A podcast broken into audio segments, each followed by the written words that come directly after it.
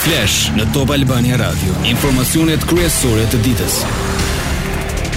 Po ndiqni përmbledhjen e orës 16:00 unë jam Ani Bame. Një sërë problematikash raportohen në të gjithë vendin nga moti i keq me reshje të dendura shiu dhe dëbore. Ministria e Mbrojtjes njoftoi se sasia më e lartë e reshjeve të regjistruara gjatë natës ishte në qarqet Lezhë, Elbasan, Shkodër dhe Korçë, ndërsa pjesa tjetër e vendit ka pasur më pak. Niveli i lumenjve është nën atë kritik. Hidrovorët janë kanë janë në gatishmëri, po punojnë me kapacitet të plotë dhe nuk paraqesin problem për përmbytje. Në qarkun Shkodër nuk raportohet zgjerim i hartës së sipërfaqes së përmbytur, kalohet me mjete të larta, vetëm rruga e Obotit ku ka prani uji. Në Malësinë e Madhe po punohet për zhbllokimin e aksit Bogë-Theth, të bllokuar për shkak të orteqeve në vendin e quajtur tunelet panoramike. Momentalisht nuk iu dha zgjidhje me rrugë alternative qarkullimit në akset e mbushura me inerte, si Bardhet Iballë në Fushë-Arrëz. Në qarkun Lezhë ka normalizim të situatës në lagjen Besëlidhja, po ashtu u normalizua qarkullimi në urën e Mërqisë që lidh fshatin me superstradën Lezhë Balldre. Po monitorohet gjendja në lagjet Skënderbeg dhe Lal Miri, ku ka prani ujë në pak banesa. U evakuua një familje prej gjashtë personash në lagjen Kodër Ulliri, Njësia Administrative Kolsh, ata u akomoduan në hotelet e zonës.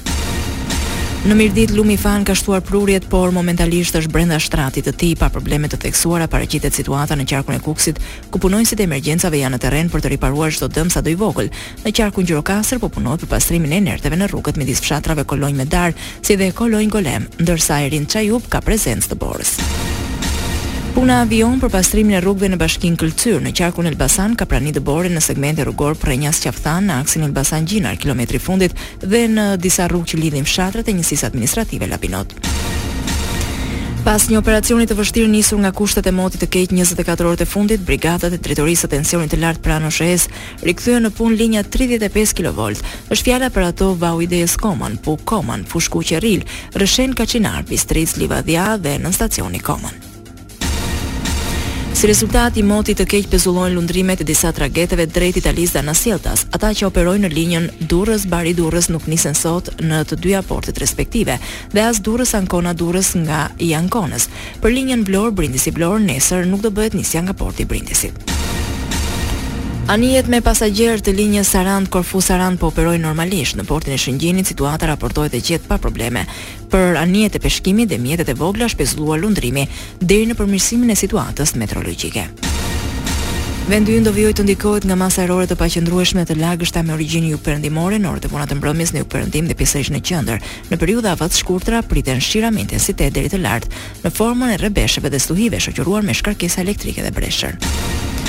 Siç dhe u paralajmërua situata në Kosovë është rënduar nga shirat, Skënderaj dhe Mitrovica janë dy komunat më të prekura ndaj shpallën gjendjen e jashtëzakonshme. Rruga Mitrovicë-Bërnjak pjesërisht vijon e bllokuar nga rrëshqitjet e dheut. Te diga e liqenit të Ujmanit situata po menaxhohet me sukses, pavarësisht nivelit të lartë të ujit.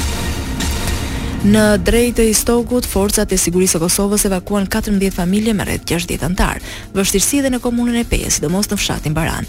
Në Podujevë gjendje më e rëndë u paraqit në fshatrat Pakashticë, Letanc, Siboc dhe në disa zona urbane të prekura nga përmbytjet.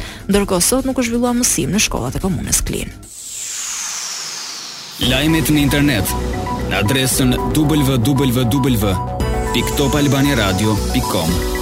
Ishte i mirëorganizuar atentati me armë zjarri një nëntorit 2019 në autostradën Durrës-Tiranë, ku u qëllua ndaj automjetit ku udhëtonte ish-prokurori Arjan Ndoja. Ai mbeti i plagosur bashkë me Aleksandër Lahon, ndërsa humbi jetën Andi Maloku. Një operacion çoi në pranga Getin Ndërjakur, Marsel Deçkën, Endrit Sinanin, Julian Pjetrin dhe Bashkim Haxhin. Në kërkim u shpallën Julian Meçaj, Plaurent Dervishaj, Redian Rraja dhe personi me inicialet ASH.